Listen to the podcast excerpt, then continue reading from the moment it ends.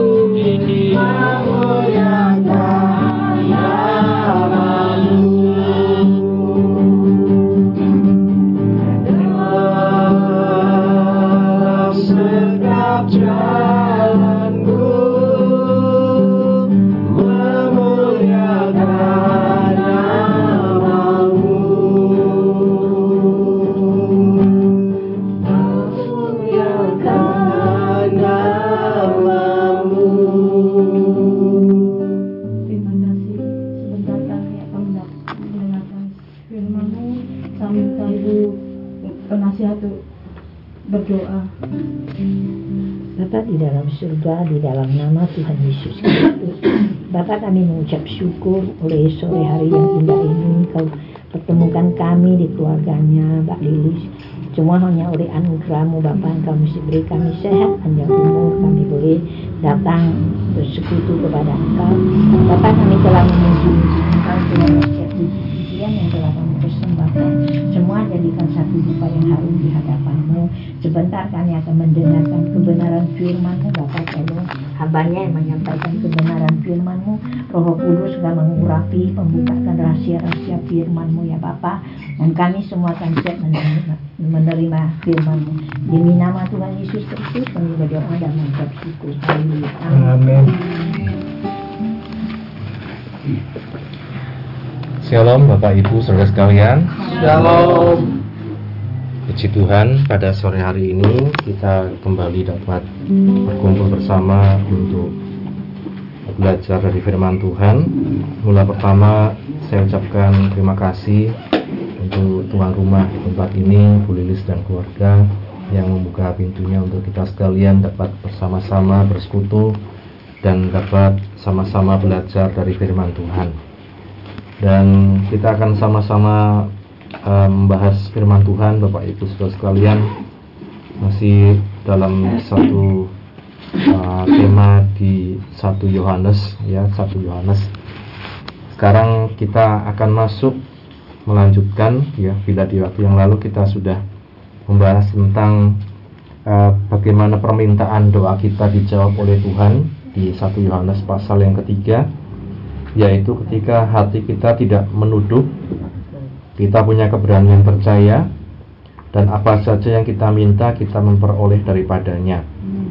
Dan karena kita menuruti segala perintahnya dan berbuat apa yang berkenan kepadanya, yaitu supaya kita percaya nama Yesus Kristus anaknya, dan supaya kita saling mengasihi sesuai dengan perintah yang diberikan Kristus. Ini Bapak Ibu yang kita bahas waktu yang lalu. Dan kita akan melanjutkan saat ini di 1 Yohanes pasal yang keempat. Kita akan baca dari ayat 1 sampai 6 1 Yohanes pasal 4 ayat 1 sampai 6 1 Yohanes pasal 4 ayat 1 sampai 6. Roh Allah dan roh antikristus. Saudara-saudaraku yang kekasih, janganlah percaya akan setiap roh, tetapi ujilah roh-roh itu apakah mereka berasal dari Allah, sebab banyak nabi-nabi palsu yang telah muncul dan pergi ke seluruh dunia. Demikianlah kita mengenal roh Allah. Setiap roh yang mengaku bahwa Yesus Kristus telah datang sebagai manusia berasal dari Allah.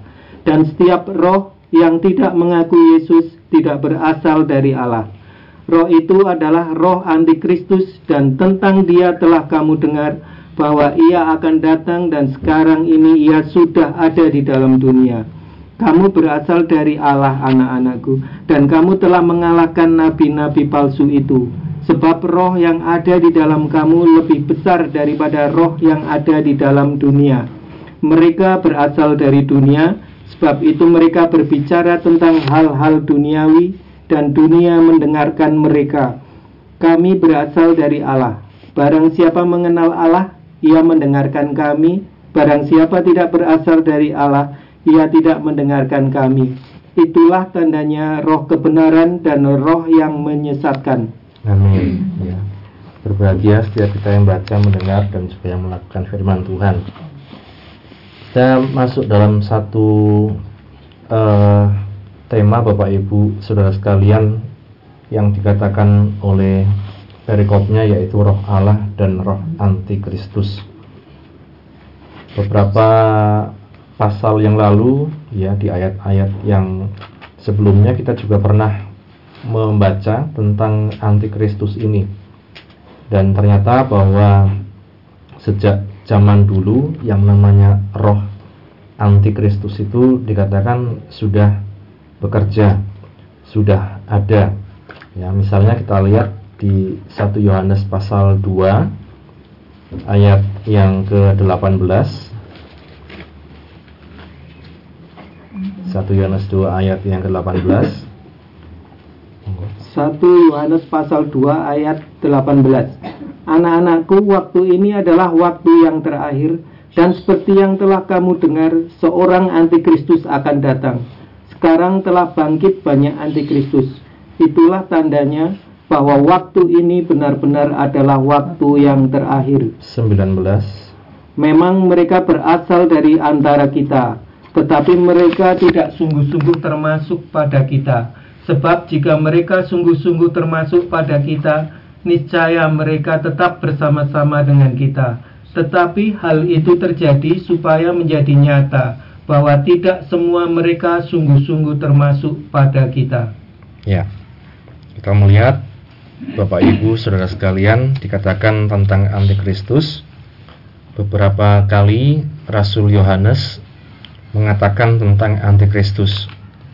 Dalam pemahaman kita sering kali secara uh, mungkin sepintas bahwa antikristus ini adalah sosok yang begitu mengerikan kalau digambarkan ya begitu kejam dan lain sebagainya. Namun demikian kita melihat dari ayat-ayat ini bahwa sebenarnya sedari zaman dulu dikatakan antikristus itu sudah mulai bekerja dikatakan itu yang uh, dikatakan sebagai mereka berasal dari antara kita tetapi tidak sungguh-sungguh pada kita. Dan kemudian di 1 Yohanes pasal 4 tadi dikatakan lagi roh yang tidak mengaku Yesus tidak berasal dari Allah. Roh itu adalah roh antikristus dan tentang dia telah kamu dengar bahwa ia akan datang dan sekarang ini ia sudah ada di dalam dunia ini. Maka nasihat firman Tuhan di 1 Yohanes 4 tadi adalah janganlah percaya akan setiap roh. Ya, tentu kalau roh ini tidak bisa kita lihat Bapak Ibu Saudara sekalian. Tapi roh ini bisa bekerja melalui pribadi-pribadi bahkan melalui yang dikatakan nabi-nabi palsu. Seorang nabi bisa berbicara di waktu itu dikatakan ada yang asli, barang asli ya, kita bandingkan ada yang palsu. Banyak nabi palsu yang telah muncul dan pergi ke seluruh dunia. Maka pentingnya bagi kita bukan sekedar untuk uh, takut atau kita uh, apa ya istilahnya tuh mau resisten, menghindar dan lain sebagainya, tapi kita dikatakan menguji setiap roh, setiap pengajaran, setiap firman Tuhan. Apakah mereka berasal dari Allah atau tidak? Contohnya dalam satu Yohanes ini tentu mereka sedang melawan yaitu roh yang tidak mengaku Yesus ya, roh yang tidak mengaku Yesus roh yang tidak mengakui Yesus adalah Tuhan berasal dari surga dan lain sebagainya. Jadi sejak zaman dulu Bapak Ibu sudah sekalian, misalnya ada paham-paham, berbagai macam paham, ada yang namanya dok doketisme, ada yang namanya uh, Arianisme dan lain sebagainya. Ketika orang itu belajar firman Tuhan, tetapi kemudian dia merasa mendapat sesuatu yang baru kemudian tidak diuji maka dia bisa mengajarkan yang mirip-mirip firman Tuhan tetapi sebenarnya tidak berasal dari firman Tuhan. Maka penting bagi kita dikatakan untuk menguji. Baik pengajaran sekarang banyak sekali pengajaran kita terima di YouTube di uh, mungkin kiriman-kiriman WA yang biasanya kalau di WA itu kan sepotong-sepotong ya sepotong-sepotong kita terima. Maka firman Tuhan katakan ujilah ujilah. Ya kita tidak bisa secara langsung menguji roh ya dikatakan ujilah roh roh itu. Tapi ujilah apa yang menjadi pengajarannya, apa yang menjadi uh, titik beratnya, apakah itu sesuai firman Tuhan dan lain sebagainya. Maka penting bagi kita Bapak Ibu Saudara sekalian dalam kita melihat firman Tuhan ini bukan sekedar kita melihatnya sebagai sesuatu yang apa ya kalau orang katakan oh ini firman Tuhan ya udah kita baca ya ya sudah dan selesai. Kalau sudah selesai ibadah sudah. Tetapi kita belajar untuk apa menghayati mendalami dan juga seperti yang dikatakan Rasul Yohanes tadi menguji. Salah satunya adalah dengan membandingkan. Ya. Apakah yang diajar seseorang itu sesuai dengan firman Tuhan? Apakah yang dikatakannya itu sesuai dengan firman Tuhan atau tidak? Ya. Ini sikap yang juga ada di Berea. Kalau kita lihat dalam Kisah Rasul pasal yang ke-17 Kisah Rasul pasal 17 ayat 11 Kisah para Rasul pasal 17 ayat mulai ayat 10 Pak. Ya. 10 Tetapi pada malam itu juga segera saudara-saudara di situ menyuruh Paulus dan Silas berangkat ke Berea. Setibanya di situ pergilah mereka ke rumah ibadat orang Yahudi. Orang-orang Yahudi di kota itu lebih baik hatinya daripada orang-orang Yahudi di Tesalonika karena mereka menerima firman itu dengan segala kerelaan hati dan setiap hari mereka menyelidiki kitab suci untuk mengetahui apakah semuanya itu benar demikian. Ya, terima kasih Pak. Dikatakan orang-orang Yahudi di Berea, ada suatu kota namanya Berea dan ada juga sekolah Alkitab namanya Berea ya. Dikatakan lebih baik hatinya daripada orang-orang Yahudi di Tesalonika karena mereka menerima firman itu dan dengan segala kerelaan hati dan setiap hari menyelidiki, menyelidiki kitab suci untuk mengetahui apakah semuanya itu benar. Demikian. Ya.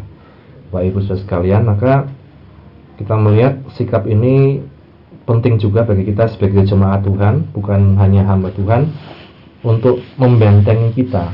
Ketika ada berbagai macam kita melihat fenomena kemudian berbagai macam hal-hal yang sering kali mungkin viral dan lain sebagainya. Apakah itu sesuai firman Tuhan? Dan lain sebagainya. Sebab kita melihat seperti sekarang misalnya tentang apa ya e, pernikahan sejenis ya. Ada pernikahan sejenis kalau di beberapa negara di beberapa kota bagian, negara bagian di luar negeri itu sudah diberkati oleh pendeta. Ya. Kalau kita bayangkan pernikahan jenis diberkati di gereja yang berkati pendeta. Pendetanya juga uh, apa itu punya pasangan sejenis ya. Jadi kita melihat Bapak Ibu sekalian bagaimana kita menyikapi itu. Ya, bagaimana kita melihat firman Tuhan menyelidiki firman Tuhan dan kemudian bersikap. Kita sebagai orang percaya tentu satu hal kita bukan hanya percaya tapi kita punya prinsip ya prinsip sebagai gereja Tuhan. Kalau kita melihat hal seperti itu misalnya apakah dalam hati nurani kita kita kemudian oh iya benar ini setuju ya, cocok ini cocok ya. atau kita wah ini kayaknya tidak benar kayaknya tidak sesuai firman Tuhan kita punya Bapak Ibu sekalian kalau saya katakan filter dalam hati kita. Filternya apa? Yaitu firman Tuhan. Ya kita belum lagi bicara tentang berbagai macam hal-hal yang mungkin viral dan lain sebagainya. Berbagai macam eh, pendapat-pendapat uh, di luar sana. Ya sering kali orang membandingkan pendeta A dengan pendeta B dan lain sebagainya. ya banyak sekali yang rame ya tentang kemarin ketuhanan Yesus. Ya ada yang bilang Yesus jadi Tuhan itu setelah dibaptis misalnya. Ada yang bilang Yesus dari dulu sejak dulu kala itu sudah Tuhan dan juru selamat. Tapi ada yang bilang setelah dibaptis setelah dikatakan inilah anakku yang kukasih baru itu jadi Tuhan. Nah bagaimana kita menyikapi itu semua menyelidiki itu semua? Itu tentang hal yang uh, beberapa waktu lalu viral.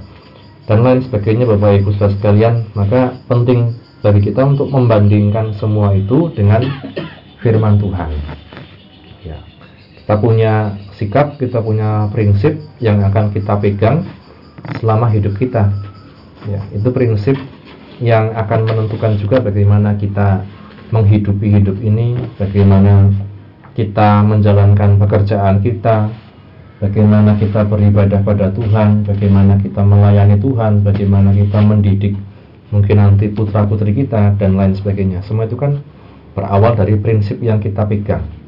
Ya, biasanya prinsip yang kita pegang akan menular ke anak-anak kita. Ya, anak-anak kita uh, dibekali dari awal sudah prinsipnya ini menjalani hidup dan lain sebagainya. Dan inilah Bapak Ibu sekalian maka penting bagi kita karena dalam firman Tuhan kita melihat banyak sekali tantangan-tantangan yang juga dialami oleh para rasul baik Yohanes dan lain sebagainya yang itu sangat apa sangat berat. Utamanya bukan hanya sekedar tantangan dari luar tetapi justru dikatakan tantangan dari dalam ya. Tantangan dari dalam itu maksudnya apa? Pengajaran-pengajaran yang tidak sesuai firman Tuhan. Ya. misalnya Bapak Ibu kita ada uh, misalnya mari kita beribadah. Ya ibadah itu mengandung janji dan lain sebagainya. Tapi ada yang lain mengatakan tidak usah beribadah tidak apa-apa. Nah itu kan jadi pertentangan dan lain sebagainya. Kita melihat dalam kisah Rasul pasal 20 misalnya. Kisah Rasul pasal 20 ayat yang ke 28 sampai ayat yang ke 30 kisah Rasul 20 ayat 28 sampai 30. Kisah para Rasul pasal 20 ayat 28 sampai 30. Ya. Karena itu jagalah dirimu dan jagalah seluruh kawanan karena kamulah yang ditetapkan Roh Kudus menjadi penilik untuk menggembalakan jemaat Allah yang diperolehnya dengan darah anaknya sendiri. Aku tahu bahwa sesudah aku pergi, serigala-serigala yang ganas akan masuk ke tengah-tengah kamu dan tidak akan menyayangkan kawanan itu. Bahkan dari antara kamu sendiri akan muncul beberapa orang yang dengan ajaran palsu mereka berusaha menarik murid-murid dari jalan yang benar dan supaya mengikut mereka. Ya, sampai di sini kita melihat ada dua macam ya dikatakan tadi ada uh, jemaat kalau digambarkan biasanya dengan domba. Yang kedua ada serigala serigala ganas. Serigalanya bukan dari luar Bapak Ibu, tapi serigalanya ada di dalam juga dikatakan. Bahkan dari antara kamu sendiri akan muncul beberapa orang dengan ajaran palsu yang berusaha menarik murid-murid dari jalan yang benar supaya mengikut mereka. Ya, jadi sering kali tantangan kekristenan bukan dari luar justru. Tantangan dari kekristenan itu sering kali juga dari dalam masalah apa? Masalah pengajaran. Makanya sampai sekarang kita melihat uh, di Indonesia sendiri bisa banyak sekali apa namanya? Namanya sinode. Ya, sinode itu uh, aras gereja, kumpulan gereja. Ada aras gereja misalnya PGI Persekutuan Gereja Gereja Indonesia, ada PGPI Persekutuan Gereja Pantai Indonesia, ada PGLII, Persekutuan Gereja dan Lembaga Injili Indonesia, ada Bala Keselamatan, uh, dan lain-lain, ya Bapak Ibu. Kalau kita pikir, kenapa tidak satu saja, gitu kan? Satu saja kuat, tapi memang naturnya orang Kristen, Bapak Ibu sekalian, sering kali kalau sudah ada sesuatu yang baru, pengajaran yang baru, mereka cenderung untuk meninggalkan yang lama dan mengikuti yang baru. Ya. Maka tidak heran tambah banyak gereja sekarang.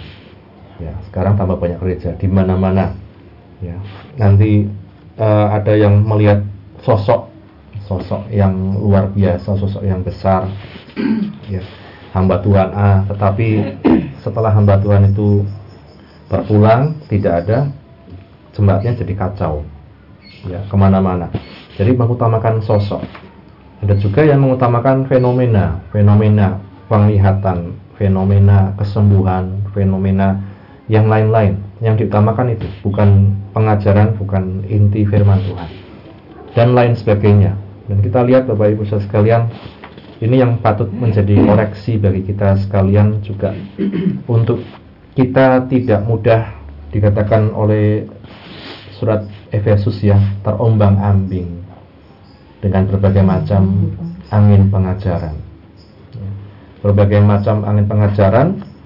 Yang utamanya dikatakan itu merupakan permainan palsu, permainan licik dari manusia. Ya, kita lihat ya, Efesus pasal 4 Efesus. Efesus pasal yang keempat. Ayat yang ke-11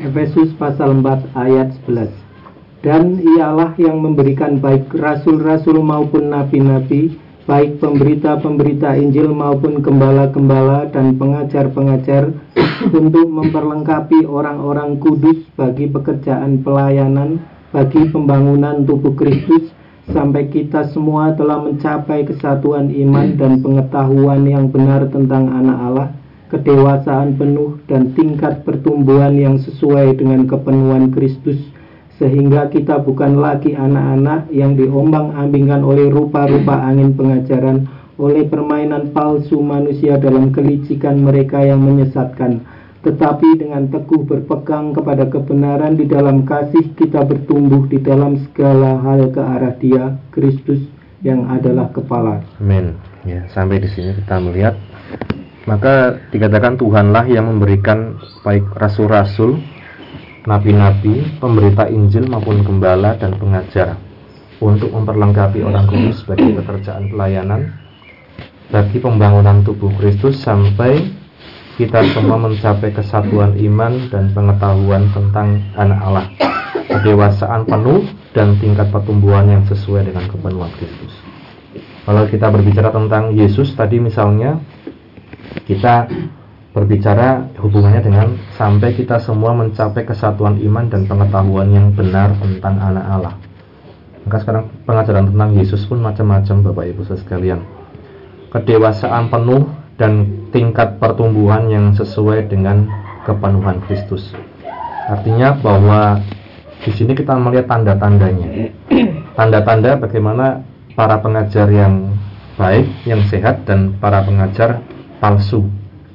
Dikatakan apakah tentang iman dan pengetahuan yang benar tentang Allah mereka sesuai dengan firman Tuhan. Yang kedua, kedewasaan penuh. Apakah firman itu membawa pada kedewasaan atau justru meninabubukkan ya? Justru meninabubukkan keimanan, tidak membawa pada kedewasaan.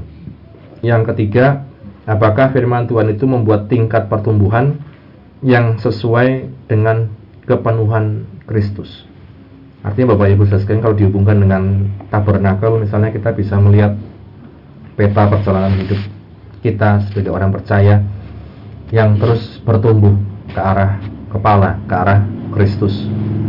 Jadi kita tidak hanya stuck, hanya berhenti di satu titik, tetapi kita mau untuk terus bertumbuh. Dan tantangannya misalnya untuk zaman sekarang Bapak Ibu, bukan hanya masalah pengajaran, tetapi juga masalah bagaimana e, kalau saya katakan gereja hati-hati sekali jangan sampai menitik beratkan hanya entertain entertainment ya. Hati-hati sekali termasuk kita sebagai gereja Tuhan. E, karena apa? Karena kita sering kali melihat bisa melihat yang di luar ya. Bisa melihat yang di YouTube. Wah gereja ini lightingnya apik tenan ya. Soundnya apik tenan. Ya langsung kita fokusnya wah ini berarti gereja saya harus nambah lighting harus nambah sound yang keren harus ganti musik semua yang keren biar bisa kalau dalam bahasanya tuh saingan sama gereja lain. Hati-hati kita mulai belok. Mulai menyimpang. Ya ketika kita mulai mementingkan entertain.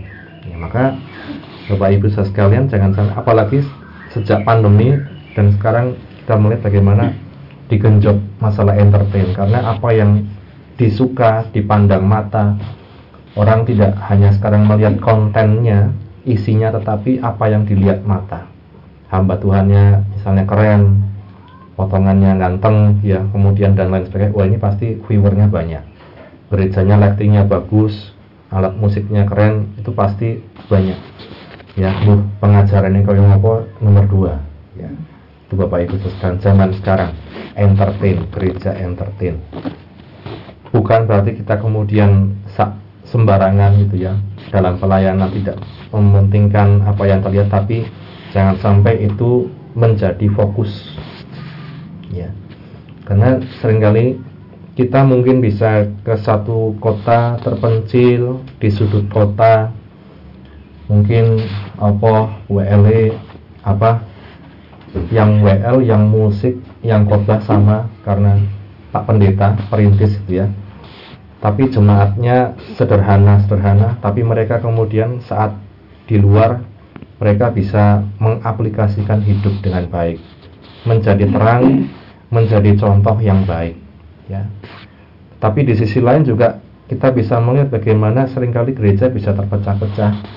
Hanya masalah seperti itu ya.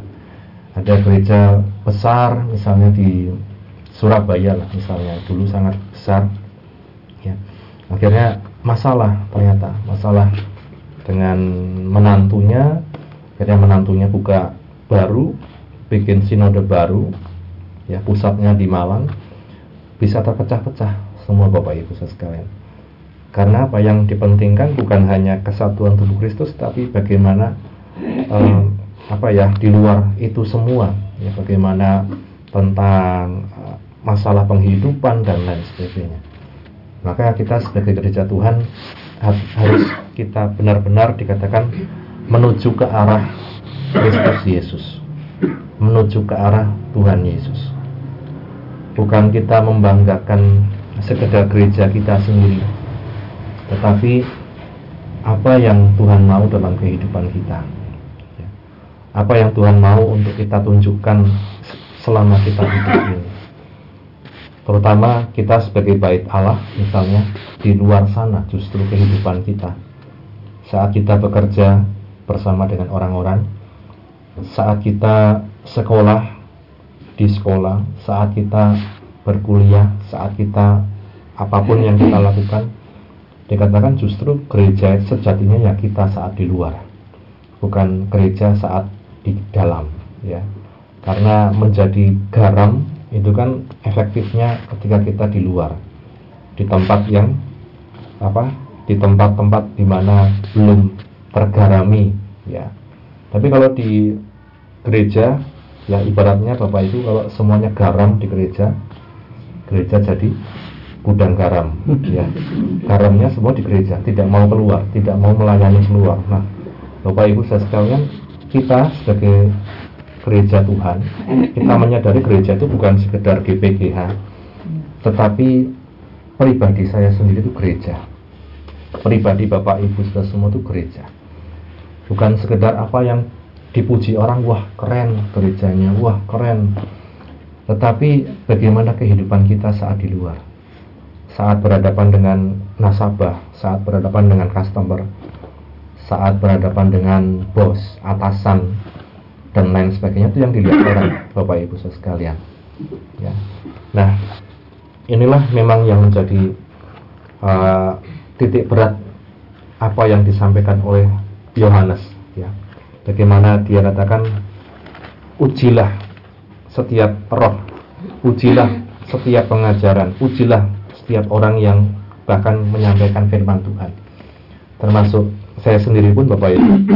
Bapak Ibu saudara sekalian ujilah gitu ya. Jangan hanya terima gebiak uyah oh Pak Pendeta ngomong iki. Iya. Tapi ujilah apakah sesuai firman Tuhan? Itu yang dikatakan firman Tuhan ujilah. Nah demikianlah kita mengenal roh Allah setiap roh yang mengaku bahwa Yesus Kristus telah datang sebagai manusia berasal dari Allah. Dari ayat ini saja kita sudah tahu bahwa Yesus Kristus itu adalah Tuhan. Kemudian dia datang sebagai manusia. Nah jadi bukan Yesus Kristus itu manusia kemudian jadi Tuhan. Ya, tapi Yesus Kristus Tuhan dia menjelma sebagai manusia nah Jadi kita melihat Bapak Ibu dari zaman dulu pun pengajaran tentang Yesus sudah banyak yang dikatakan memaparkan, meragukan dan lain sebagainya. Apa yang sekarang disebut sebagai pengajaran yang disebut viral dan lain sebagainya sebenarnya sejak zaman dulu sudah ada dan dikatakan sejak zaman dulu sudah dikatakan bapak-bapak gereja itu membuat konsili ya namanya pertemuan rapat untuk membahas itu dan sampai sekarang itu yang kita terima misalnya dalam pengakuan iman rasuli seperti yang pernah kita bahas itu yang disepakati oleh gereja-gereja. Maka itu yang meneguhkan kita yang menguatkan kita. Dan setiap roh yang tidak mengaku Yesus tidak berasal dari Allah. Artinya Bapak Ibu saudara sekalian bisa saja dalam satu persekutuan yang dimuliakan bukan Tuhan Yesus. Yang dimuliakan justru pendetanya yang dimuliakan justru gerejanya. Ya ini sangat berbahaya termasuk kita sebagai hamba-hamba Tuhan jangan sampai orang lebih membicarakan kita daripada membicarakan Tuhan Yesus. Ini jangan sampai seperti itu. Itu yang kita perlu uh, lihat dalam setiap kehidupan kita. Roh itu adalah roh antikristus dan tentang dia telah kamu dengar bahwa ia akan datang dan sekarang ia sudah ada di dalam dunia. Jadi dari zaman dulu sampai sekarang kalau yang namanya roh antikristus itu sudah ada. Bukan sekedar nanti ada sosok mengerikan sosok yang kejam yang bernama antikristus tapi dikatakan dari zaman dulu sudah ada. Nah kita melihat Bapak Ibu kita di satu sisi bersyukur kita waspada kita tahu semua itu adalah otoritas Tuhan semua dalam kendali Tuhan tetapi di sisi lain bahwa kita juga waspada dalam setiap apa yang kita terima, pengajaran yang kita yakini, prinsip yang kita pegang ialah itu sesuai dengan firman Tuhan. Mereka berasal dari dunia, sebab itu mereka berbicara tentang hal-hal duniawi dan dunia mendengarkan mereka. Tanda lain dikatakan sukanya ngomong hal-hal duniawi. Bahkan di gereja pun yang dipentingkan pengajaran tentang hal-hal duniawi. Ya, misalnya sederhana saja bagaimana cara cepat kaya, ya. Misalnya cara cepat kaya dalam satu jam, ya. Jadi mendengarkan khotbah satu jam bisa langsung kaya. Nah, itu contoh saja. Yang dipentingkan hal-hal dunia itu kan menarik bapak ibu. Tapi jangan sampai kita apa ya terjebak atau hanya tertarik dari hal-hal yang seperti itu kami berasal dari Allah, barang siapa mengenal Allah, ia mendengarkan kami. Barang siapa tidak berasal dari Allah, ia tidak mendengarkan kami. Itulah tandanya roh kebenaran dan roh yang menyesatkan di 1 Yohanes 4 tadi. Ada roh Allah, roh kebenaran, dan roh yang menyesatkan. Artinya tanda yang terakhir dikatakan dengar-dengaran ya ini ya. Mendengarkan Bapak Ibu. Mendengarkan. Mereka yang berasal dari Allah akan mendengarkan. Siapa yang dikatakan berasal dari Allah ia mendengarkan. Barang siapa tidak berasal dari Allah ia tidak mendengarkan kami. Itulah tandanya roh kebenaran dan roh yang menyesatkan. Karenanya Bapak Ibu sekalian melalui firman Tuhan ini kita punya hak untuk menguji pengajaran apa pun. Termasuk yang saya sampaikan Bapak Ibu selesai punya hak untuk menguji karena kita semua punya firman Tuhan. Ada Alkitab ujilah. Ya, apakah yang diajarkan sesuai firman Tuhan? Yang kedua bagaimana cara kita melihatnya? Lihatlah buahnya. Ya, ya kalau seorang pengajar dikatakan lihatlah buahnya. Apakah buahnya perbuatannya di luar itu baik ya apakah tidak sesuai ya dan kita melihat dia akan mendengarkan apa yang sesuai dengan firman Tuhan. Seperti kata Tuhan Yesus, domba-dombaku mendengarkan suaraku ya. Domba-dombaku mendengarkan suara gembala. Kalau dikatakan yang lain yang bersuara dia tidak akan mendengarkan karena suaranya beda. Ya, apa bahasa sekarang apa ya? frekuensinya beda. Tapi kalau kita punya frekuensi Kristus Bapak Ibu, siapa pun yang berbicara ketika dia menyampaikan firman Tuhan dia memuliakan Tuhan Yesus itu kita akan mendengarkan ya. Kiranya firman Tuhan pada sore ini memberi kekuatan untuk kita sekalian untuk kita terus menjalani dan tidak mudah diombang-ambingkan dengan rupa-rupa angin pengajaran dan lain sebagainya. Tuhan Yesus memberkati. Selanjutnya kita akan masuk dalam uh, sharing. Yang pertama kami persilakan untuk tuan rumah ya untuk menyampaikan mungkin sepatah dua patah kata. Kami persilakan.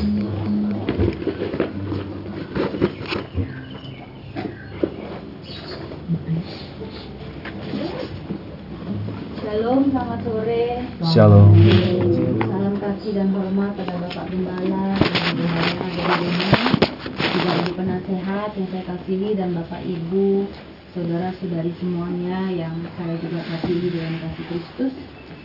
Pertama-tama saya mengucapkan banyak-banyak terima kasih Bapak Ibu boleh bersedia memberikan waktu yang saya tahu Bapak Ibu pasti capek atau sedang beraktivitas dan masih mau menyempatkan datang bersama-sama berkumpul dengan kami di tempat ini untuk kita bersama-sama memperdalam dan merenungi setiap firman Tuhan. Bukan bukan sekedar hanya berkumpul-kumpul tetapi saya yakin kita semua semakin dikuatkan, diteguhkan, kita semakin kokoh dan kehidupan kita boleh senantiasa berbuah-buah dalam Tuhan. Karena tadi firman Tuhan dari buahnya dari kiranya perkumpulan kita ini ada buah dalam kehidupan kita baik dalam keluarga kita baik dalam kita berteman berlingkungan bekerja sekolah kuliah.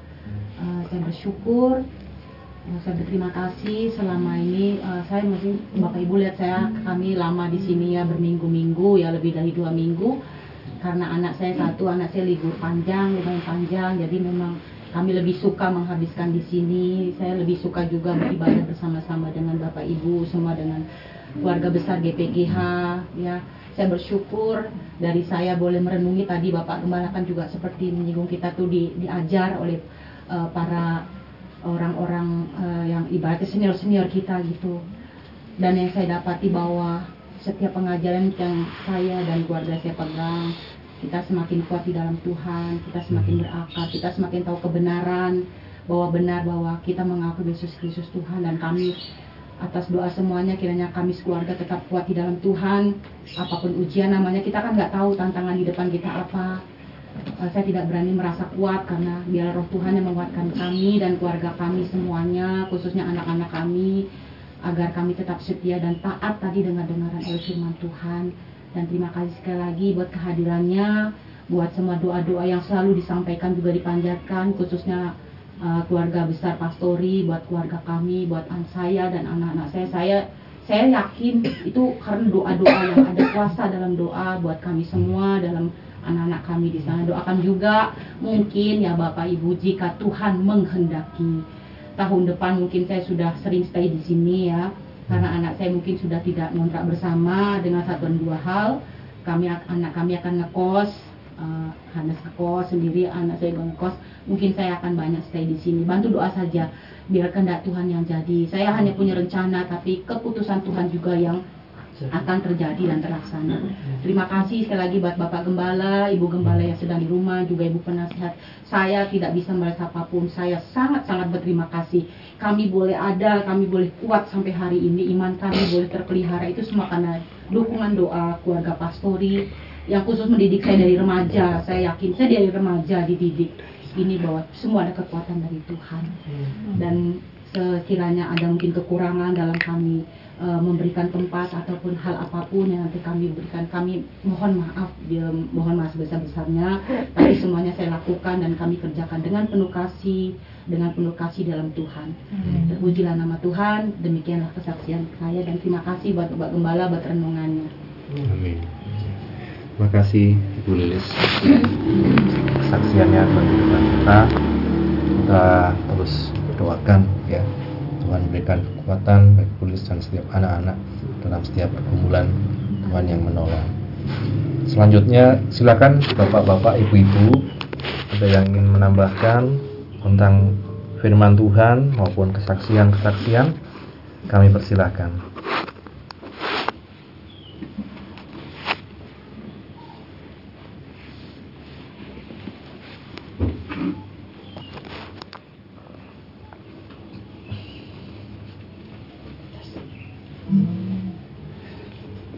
Bapak-bapak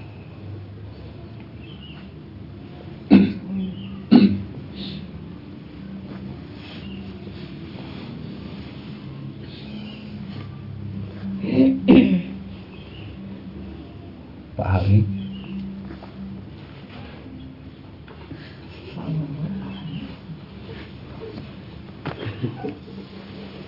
Ini apa ya? ini untuk ajaran apa? Ajaran sesat ya. Untuk mengetahui ajaran-ajaran yang tidak sesuai firman Allah yang apa? Ya mungkin di YouTube kan mungkin banyak sekali ya. Tapi kalau saya sih secara secara budaya saya sih tak ambilnya itu yang penting itu yang Alkitabiah tidak ada penambahan, tidak pengurangan dalam Alkitab firman Tuhan. Kalau saya menalarnya itu yang penting di Alkitab itu tidak ada penambahan, tidak ada pengurangan. Alkitabiah aja. Kita lebih apa? Pikiran lebih enak malah daripada kita apa? Ajaran ini, ini, ini, ini itu malah nanti kita bingung. Karena kita kan melawannya kan bukan melawan darah dan daging ya melawannya kan malah roh-roh jahat di udara seperti yang tadi saya lihat di apa Efesus 6 ayat 10 Aina hendaklah kamu kuat dalam Tuhan di dalam kekuatan kuasanya kenakanlah seluruh perlengkapan senjata Allah supaya kamu dapat bertahan melawan tipu muslihat iblis. Nah itu apa? Kita harus punya perlengkapan senjata Allah. Perlengkapan senjata Allah. Apa aja kan udah diterangkan oleh firman Allah itu. Ambillah seluruh perlengkapan Allah ayat 13 sebab itu ambillah seluruh perlengkapan senjata Allah supaya kamu dapat mengadakan perlawanan pada hari yang jahat itu dan tetap berdiri sesudah kamu menyelesaikan segala sesuatu. Berdiri tegak ber, berikat pinggangkan kebenaran dan berbaju sirahkan keadilan berka, kakimu berkasutkan kerelaan untuk memberikan Injil damai sejahtera dalam segala keadaan pergunaan perisai iman sebab dengan perisai itu kamu da akan dapat mengadam semua panah api dari jahat dan terimalah ketopang ketopong keselamatan dan pedang roh yaitu firman Allah. Nah itu cara mendapatkan perlengkapan Allah itu bagaimana? Kita harus harus tahu kan? Tidak caranya piye tau menulis senjata Allah itu kan biasa gitu. Nah Tuhan udah Tuhan itu artinya udah kasih tahu. Cuma kita kan kadang kan apa tuh? Belum belum ngeh atau belum tahu apa memang kita tuh biasa-biasa aja kalau sih menganggapnya tuh lahir lahir baru. Kita kalau kalau udah lahir baru kita kan berbuah juga. Kita juga punya apa? Punya perlengkapan Allah itu Tuhan itu masih akan ngasih itu perlengkapan Allah seperti itu. Kalau sudah lahir baru tanya tadinya kita pemarah jadi penyabar. Yang tadinya kita apa?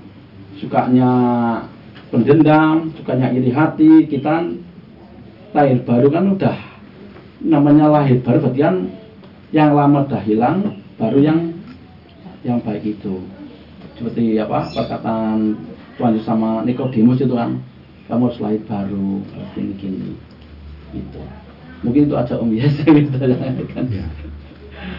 Siap. Terima kasih Pak D ya untuk masukannya, tambahannya untuk kita sekalian. Dan ya ini yang kita perhatikan Bapak Ibu memang kita juga perlu berhati-hati dengan kata Alkitabiah ya. Karena sekian banyak sekian ratus sinode semuanya mengaku Alkitab semua ya. ya semuanya berdasarkan Alkitab ya.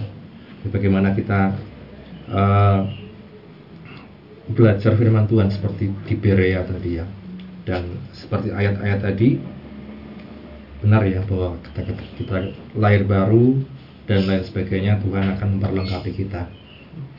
Tapi di sisi lain Bapak Ibu ada juga mungkin pengajaran yang mengutamakan simbol.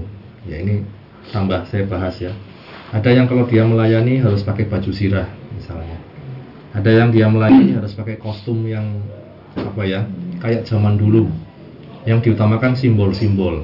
Bahkan ketika apa itu peristiwa kematian dan lain sebagainya, para penarinya juga simbol-simbolnya luar biasa. Kadang ada yang tanya saya seperti itu, gimana Pak Yes? Ya, itu namanya Kristen simbol. Ya, simbol. Memang mungkin seperti itu ya. Uh, ada yang mengutamakan seperti itu. Jadi harus ada ornamen-ornamen di gerejanya harus ada apa. Bahkan untuk pegangan dalam tanda kutip harus di rumah punya apa ya uh, bendera yang sudah didoakan dan lain sebagainya.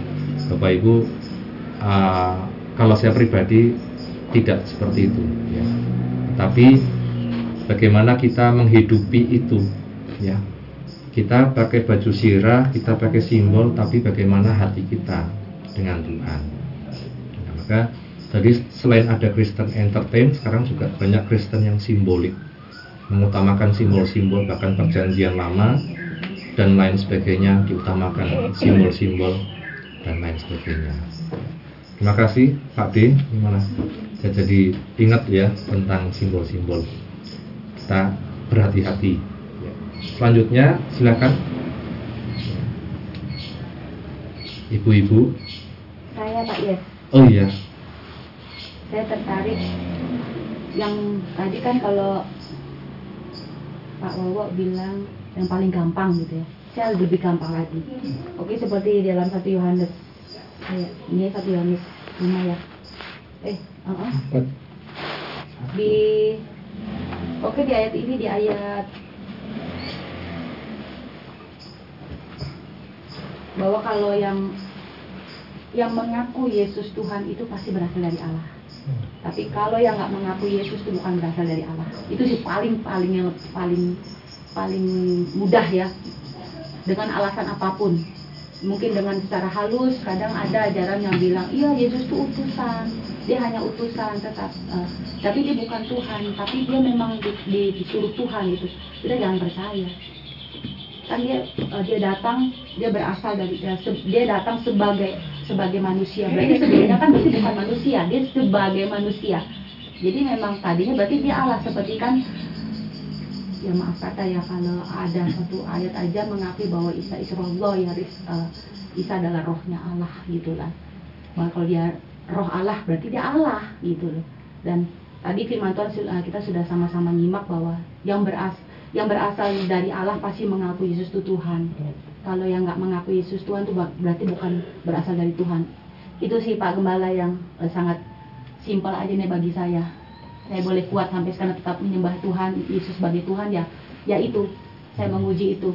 Apa pun ajaran di Jakarta juga banyak pengajaran aneh-aneh yang yang pemain tadi Pak Gembala bilang yang lagi viral itu kan di Jakarta juga banyak sekali tapi kalau kita udah punya komitmen kita punya filter tadi uh, Pak Gembala bilang kita di hati kita ada filter. Kita udah tahu setiap ada ajaran mau datang kayak model apa pun kalau kita udah punya pegangan kita sudah punya komitmen komitmen dalam iman bahwa iman kita bahwa mengaku Yesus Kristus adalah Tuhan. Itu adalah iman bahwa kita itu berasal dari Allah. Puji Tuhan. Terima kasih atas tambahannya. Menguatkan kita sekalian. Uh, ada lagi mungkin? Ibu-ibu yang di sisi samping silakan.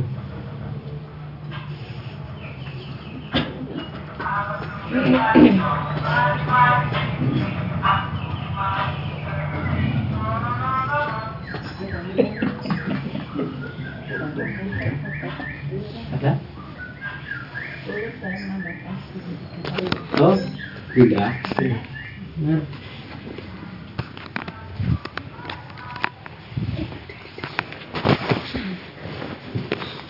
Baik, saya menambahkan, uh, saya kan bukan terlahir sebagai seorang Kristen ya.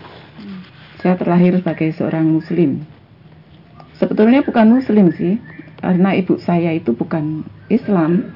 Ibu saya itu seorang pransuh. Apa pransuh? Pransuh itu kepercayaan. Dan ketika saya kecil dulu, saya sering diajak ke Muntilan. Kemuntilan itu um, ikut ibadah di situ. Dan saya sangat ingat sekali ibadah di situ tempat ibadahnya seperti tabernakal ternyata. Hmm. Nah, terus karena tetangga kiri kanan muka belakang itu Islam, di sekolah saya juga belajar Islam, saya juga belajar ngaji. Jadilah saya Islam. Saya baptis eh, tahun 91. Langsung di Gereja Pantai Kosta Gunung Hermon. Saya tidak tahu ajaran-ajaran yang lain. Em, ada teman Katolik sering cerita begini begitu. Ada sering eh, mungkin karena menganggap saya nggak kuat ya, karena saya kan pindahan begitu. Ada beberapa mbak-mbak ada yang datang ke rumah, ada ibu-ibu yang datang ke rumah, ada bapak-bapak yang datang ke rumah mengajak saya untuk ke gerejanya. Itu gerejanya masing-masing. Tetapi puji Tuhan sampai saat ini saya tidak berkeming karena eh, saya berusaha untuk hmm, apa yang saya dapatkan untuk saya pelajari, saya dalami dulu. Kemudian semakin lama saya semakin eh, meskipun suami saya tidak ke gereja, tetapi setidaknya dia mendukung saya. Eh, baik dalam doanya, baik dalam eh, ngobrolnya itu dia selalu mendukung saya. Kemudian satu hal yang saya yang saya apa pegang bahwa akulah jalan kebenaran dan hidup. Itu yang saya pegang bahwa Yesus itu jalan kebenaran dan hidup. Maka e, tidak mungkin ada yang lain selain jalan kebenaran dan hidup. Hmm, kalau dulu saya mau berdoa, Tuhan tolong tunjukkan saya jalan yang benar, yang lurus, jalan yang benar. Sebenarnya Tuhan itu sudah menyediakan jalan yang benar itu, tidak perlu ditunjukkan. Tetapi kita sering me- eh, berdoa berdoa seperti itu. Saya dulu sering berdoa seperti itu. Tunjukkan saya jalan yang eh, yang benar. Hanya hanya minta ditunjukkan, tetapi tidak melaksanakan. Nah, sekarang inilah saya belajar dan belum sempurna eh, mengenal jalan kebenaran dan hidup. Bukan jalan eh, bukan hanya sekedar minta ditunjukkan saja, tetapi sudah saya menjadi pegangan saya, menjadi jalan saya yang saya lewati, yang saya em, menjadi pegangan saya dan harus lewat itu. Em, itu mungkin yang menjadi kekuatan saya dan saya belum sempurna, masih terus belajar, belajar dan belajar sampai saat ini pun saya masih merasa merasa banyak kurangnya. Jadi saya masih harus lebih banyak belajar. Apalagi untuk memahami hal-hal hal-hal yang seperti ini saya perlu banyak belajar lagi. Sekian terima kasih. Terima kasih Bunda memberkati saksiannya. Ada lagi? Ada? Ada yang lagi? Ada. CB. belum kan Belum mau.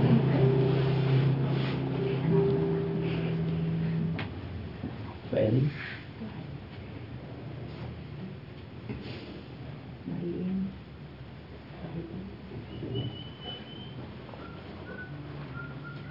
Ibu di sini.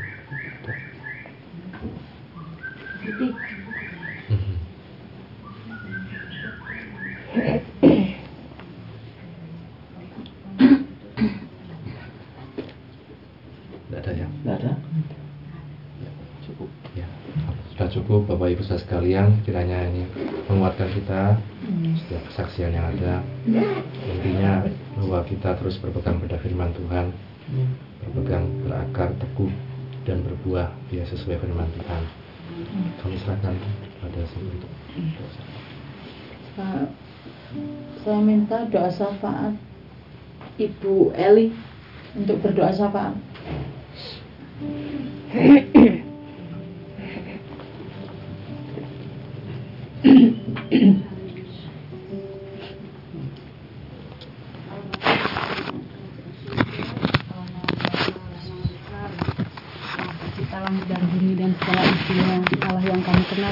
dan kami panggil hanya di dalam nama Tuhan kami Yesus Kristus.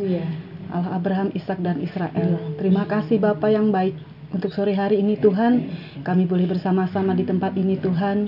Kami home Bible study pada sore hari ini Tuhan. Kami bersyukur Tuhan untuk uh, pemberitaan firman-Mu yang telah disampaikan beliau hamba-Mu Tuhan.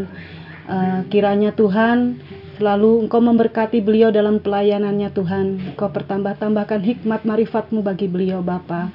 Dan juga kami untuk saat ini Bapa, jemaatmu Bapa, kiranya selalu dikuatkan Bapa melalui firman, melalui uh, pemberitaan sharing-sharing yang kami lakukan tiap hari Kamis Tuhan biarlah menjadikan kami Tuhan lebih kuat lagi Amin. untuk lebih kami mendekatkan lagi dan untuk kami lebih mengerti lagi Tuhan Yesus melalui firman-firman yang uh, sering kami dengarkan dan kami sama-sama Tuhan untuk lebih belajar lagi. Terima kasih Tuhan Yesus. Kami mengucap syukur Tuhan. Kami berdoa Bapa uh, untuk keluarga pastori Tuhan. Yeah. Kiranya Engkau memberkati Ibu penasehat Bapa, Engkau berikan kesehatan, kekuatan, panjang umur bagi Amin. beliau. Amin. Tuhan memberkati setiap uh, Tuhan dalam beliau mendampingi Bapak dan Ibu Gembala juga Bapak. Kau berkati pada masa tuanya Tuhan. Kau memberkati juga untuk uh, putranya Bapak Gembala, Bapak hambamu Tuhan, Bapak Pendeta Elman beserta istri dan anak-anaknya di Salatiga Tuhan, kiranya memberkati pelayanannya Bapak, Engkau pertambahkan hikmat marifat bagi bagi beliau juga dalam uh, beliau melayani di Salatiga Tuhan, berkati juga pekerjaan usahanya Bapak, juga untuk khususnya hambamu Tuhan, Bapak Pendeta Yesaya Sihombing Bapak, yang kau percayakan sebagai gembala sidang GPGH Tuhan, kiranya kau pertambah-tambahkan hikmatmu Bapak, kau berkati beliau dalam dalam pelayanannya Tuhan. Berkati beliau dalam eh, terus ya Tuhan memperdalam firman-Mu Tuhan, terus memberikannya Tuhan uh, kebenaran-kebenaran firman-Mu Tuhan bagi kami seluruh jemaat-Mu. Sebagai domba-domba-Mu GPGH Tuhan. Untuk kami terus tetap Bapa setia kepada Engkau Bapa. Tuhan berkati setiap program-program yang beliau laksanakan Tuhan yang telah beliau tetapkan Bapa dan uh, apa yang dikerjakan dan dilakukannya Bapa kiranya Engkau yang memberkati dan Engkau yang selalu Tuhan mencukupi segala kebutuhan yang diperlukan untuk segala kebutuhan gereja kami Bapa. Untuk gereja kami juga khususnya Tuhan GPGH, Engkau juga memberkati, Engkau berikan pertumbuhan bagi gereja GPGH Tuhan. Uh, engkau Engkau sendiri yang mengisi kembali bangku-bangku yang kosong ya. dengan jiwa-jiwa baru Tuhan dan jiwa-jiwa yang lama telah meninggalkan Engkau Tuhan.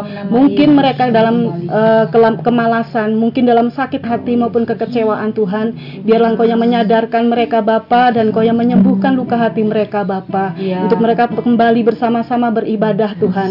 Terima kasih Tuhan kami juga berdoa bagi keluarga para pelayan-pelayanmu Tuhan, keluarga jemaatmu Bapa, mungkin untuk saudara-saudara seiman kami yang sedang ada di dalam permasalahan, persoalan, pergumulan hidup Tuhan.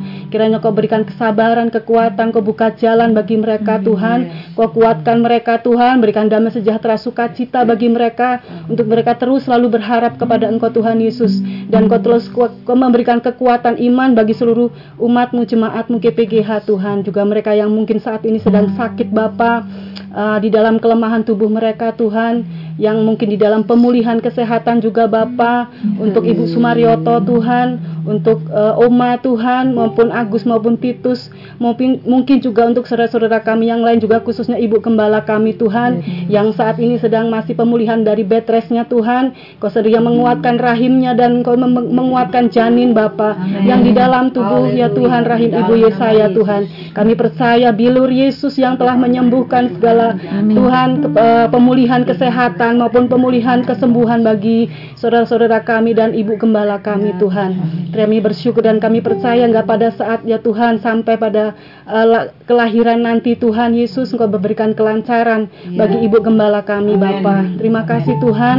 Juga kami menyerahkan ke dalam tangan kasih-Mu Bapa seluruh hamba-hambamu, orang-orang kudusmu, para penginjil-penginjilmu Tuhan, guru-guru Alkitab dan para misionaris di mana pun mereka melayani Bapa, di perkotaan, di pedesaan, di pelosok-pelosok pedalaman, di lereng gunung, pesisir pantai Bapa, di mana pun yang tidak terjangkau Bapa dengan alat transportasi Tuhan, Kau sendiri yang memberkati seluruh hamba-hambamu dalam pelayannya Tuhan, Engkau yang menilik mereka Tuhan hamba-hambamu Tuhan, mungkin di dalam pelayanan pelayanannya beliau Tuhan di dalam permasalahan, pergumulan, di dalam tekanan Bahkan di dalam aniaya Tuhan Yesus ya Allah Roh Kudus. Kiranya kau berikan kekuatan, kesabaran, ke- kesehatan bagi seluruh hamba-hambamu di muka bumi ini Tuhan. Dan di mana pun beliau melayani Tuhan. Berkati beliau Tuhan Yesus. Engkau jangkau beliau Tuhan. Engkau memberkati setiap keluarga hamba-hambamu. Dan engkau mempertambahkan hikmat marifat bagi seluruh hamba-hambamu Tuhan. Terima kasih. Dan akhirnya bangsa negara Indonesia tercinta in- ini Tuhan kami serahkan di dalam tanganmu Bapa. Tuhan berikan hikmat bijaksana kiranya bagi Bapak Jokowi, Bapak Ma'ruf Amin, para menteri stafnya, pemerintah pusat dari gubernur, wali kota, bupati, camat, lurah, sampai ke RW RT Bapak dan Pak Afif dan Pak Albar beserta jajarannya untuk memimpin kota Wonosobo ini. Tuhan kau berkati beliau juga Bapak. Dan kiranya aman damai sejahtera sentosa gemari Palo Jinawi damai sejahtera sukacita dari Tuhan Yesus Kristus juga memberkati bangsa Indonesia ini Bapak. Khususnya kota Wonosobo ini Tuhan kau berkati Bapak. Terima kasih Tuhan juga bangsa Israel kau berkati. Kau lawat bangsa Israel. Tuhan selamatkan bangsa Israel bangsa yang kau pilih Tuhan. Seperti engkau juga telah menyelamatkan kami pada hari ini Tuhan. Terima kasih Bapa. Kiranya kau pertambahkan hikmat marifatmu bagi hambamu dan orang-orang kudusmu di Israel Bapa untuk banyak jiwa-jiwa dimenangkan di Israel Tuhan. Terima kasih Tuhan Yesus yang baik kami bersyukur Tuhan, kami juga menyerahkannya Tuhan kami yang saat sore hari ini hadir Tuhan. Engkau tahu setiap pergumulan kami Tuhan. Engkau tahu Tuhan setiap apa yang kami kerjakan dan apa yang ya Tuhan yang kami hadapi Tuhan. Dan kami berdoa Bapa khususnya untuk Ibu Lilis di tempat ini Tuhan. Kiranya Engkau memberkatinya Tuhan, memberkati pekerjaan usahanya. Engkau memberkati cucu menantunya Tuhan. Engkau memberkati Gabriel Bapa dalam berkuliah Tuhan. Engkau memberikan kepintaran, kecerdasan baginya Bapa. Terima kasih Tuhan Yesus, biarlah damai sejahtera kasih kemurahan-Mu Bapa memberkati keluarga Ibu Lilis di tempat ini sampai dengan keluarga Yohanes di Jakarta Tuhan. Juga untuk keluarga-keluarga yang jemaat-Mu saat ini hadir pada sore hari ini secara offline maupun online Tuhan Kau berkati kami semua Tuhan Yesus. Biar damai sejahtera sukacita berkat kasih sayang kemurahan dari Tuhan Yesus Kristus melimpah bagi kami seluruh jemaat-Mu Tuhan. Satu hal yang kami minta Tuhan Yesus kuatkan kami, kuatkan iman kami Tuhan Yesus. Untuk kami terus berada di dalam naungan kasih-Mu Bapa. Selalu kami percaya kepada Engkau dan memegang iman kami teguh sampai kami menyelesaikan pertandingan dengan baik di dunia ini ya Allah Roh Kudus. Terima kasih Tuhan Yesus sebentar kami juga akan pulang ke nanti ke rumah masing-masing Bapa. Kiranya Kau memberkati perjalanan kami tiba dengan selamat sampai rumah Bapa. Kau memberkati pekerjaan usaha kami seluruh jemaat-Mu di tempat ini Tuhan. Tuhan berkati juga ya Tuhan keluarga Ibu Lilis di tempat ini Tuhan. Terima kasih Allah Roh Kudus. Kami mengucap syukur hanya di dalam berkat nama Tuhan kami Yesus Kristus. Hanya Engkaulah satu-satunya Tuhan dan Juru Selamat kami. Kami mengucap syukur dan kami peralaskan doa kami. Haleluya. Dan. Amin. Dan. Amin. Wajah kepadamu dan memberi engkau damai sejahtera. Amin. Tuhan kami nyatakan nama Tuhan Yesus Kristus. Haleluya. Haleluya.